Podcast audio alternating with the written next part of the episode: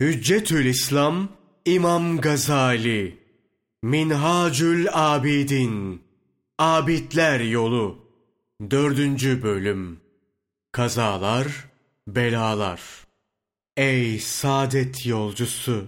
İbadete mani olan bu dört sebebi bertaraf etmek suretiyle geçidi geçmelisin. Yoksa ibadet etmek şurada dursun, onu aklından bile geçiremezsin.'' Çünkü bu dört şeyin her biri karşına birer meşguliyet çıkarır.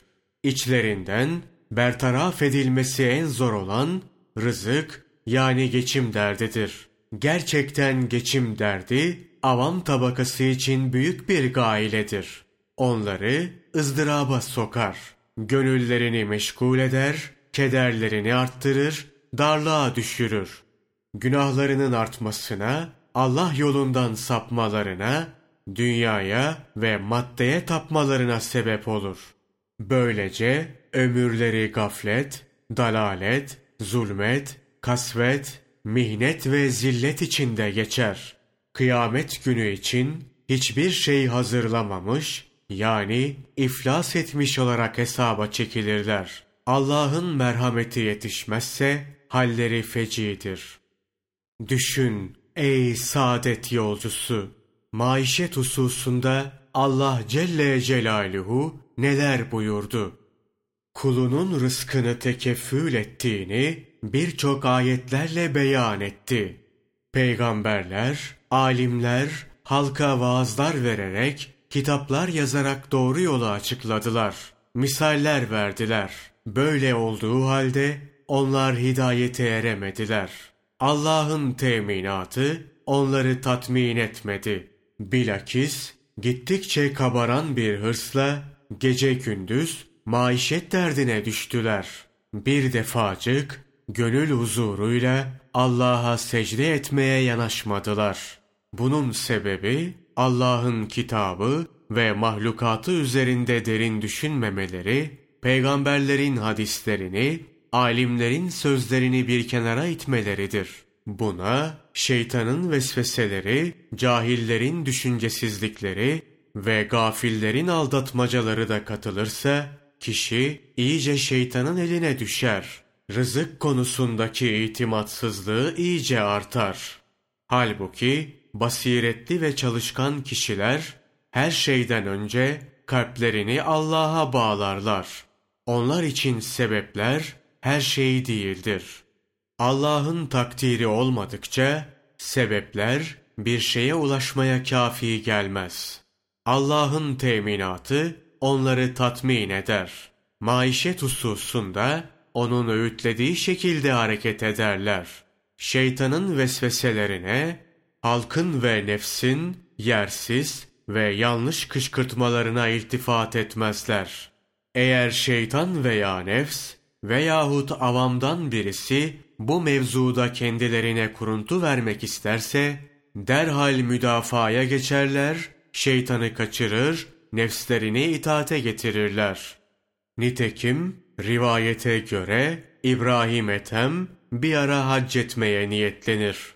Yola çıkarken azı kalmamıştır. Şeytan karşısına çıkarak, koca çölü azıksız nasıl geçeceksin yanına bir şeyler al der. Bunun üzerine o da azık almamaya ve her bir mil yürüyüşünde bin rekat namaz kılmaya karar verir ve öyle yapar. Böylece çölü 12 senede geçer. O sıra bazı senelerde hacca giden Harun Reşit onu namaz kılarken görür, sorar. Kendini nasıl buluyorsun? İbrahim Ethem şu cevabı verir. Dinimizden kestik, dünyamıza yamadık. Fakat ne dinimiz kaldı ne de yamadığımız dünya. Allah'a itaat ederek ahireti için dünyasını tavrımar edene ne mutlu. Yine salihlerden birisi bir gün sahrada yolculuğa çıkar. Bu arada şeytan karşısına dikilerek sahrada ne insan ne de yiyecek bulunduğunu azıksız yola çıkmamasını söyler. O zat da şeytana muhalefet ederek azık almamaya hatta yoldan gitmeyip tenhalardan gitmeye ve ağzına yağ ve bal konulmadıkça bir şey yememeye karar verir.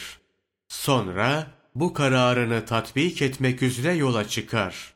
Hadisenin buradan ötesini kendisi şöyle anlatır. Sapa yerlerden yürüyerek bir müddet yol aldıktan sonra yolunu şaşırmış bir kafileyle karşılaştım. Onları görünce beni görmesinler diye yere yattım. Fakat tam üzerime gelerek yanımda durdular. Bu sefer gözlerimi yumdum. Bana baktılar. Bu açlıktan bayılmış. Biraz yağ ve bal getirin yedirelim. Belki ayılır, kendine gelir dediler. Ben de dişlerimi sıkıca bastırdım. Fakat bıçakla dişlerimi açtılar. Tam bu sırada kendimi tutamayarak güldüm. Bu sefer deli bu dediler. Ben hayır dedim. Allah'a hamd ederim. Sonra şeytanla aramda geçeni anlattım. Hayret ettiler. Büyüklerimizden başka biri de başından geçen bir hadiseyi şöyle anlatır.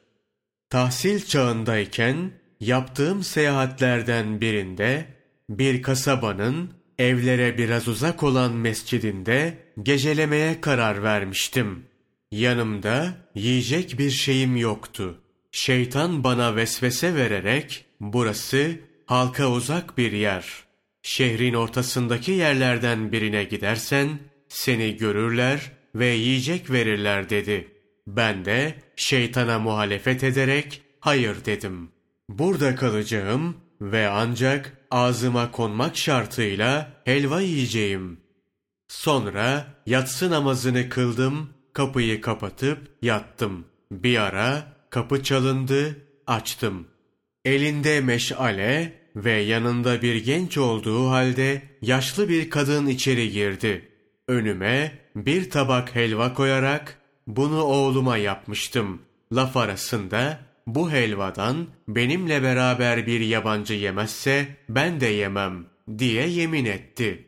Ben de tuttum buraya getirdim dedi.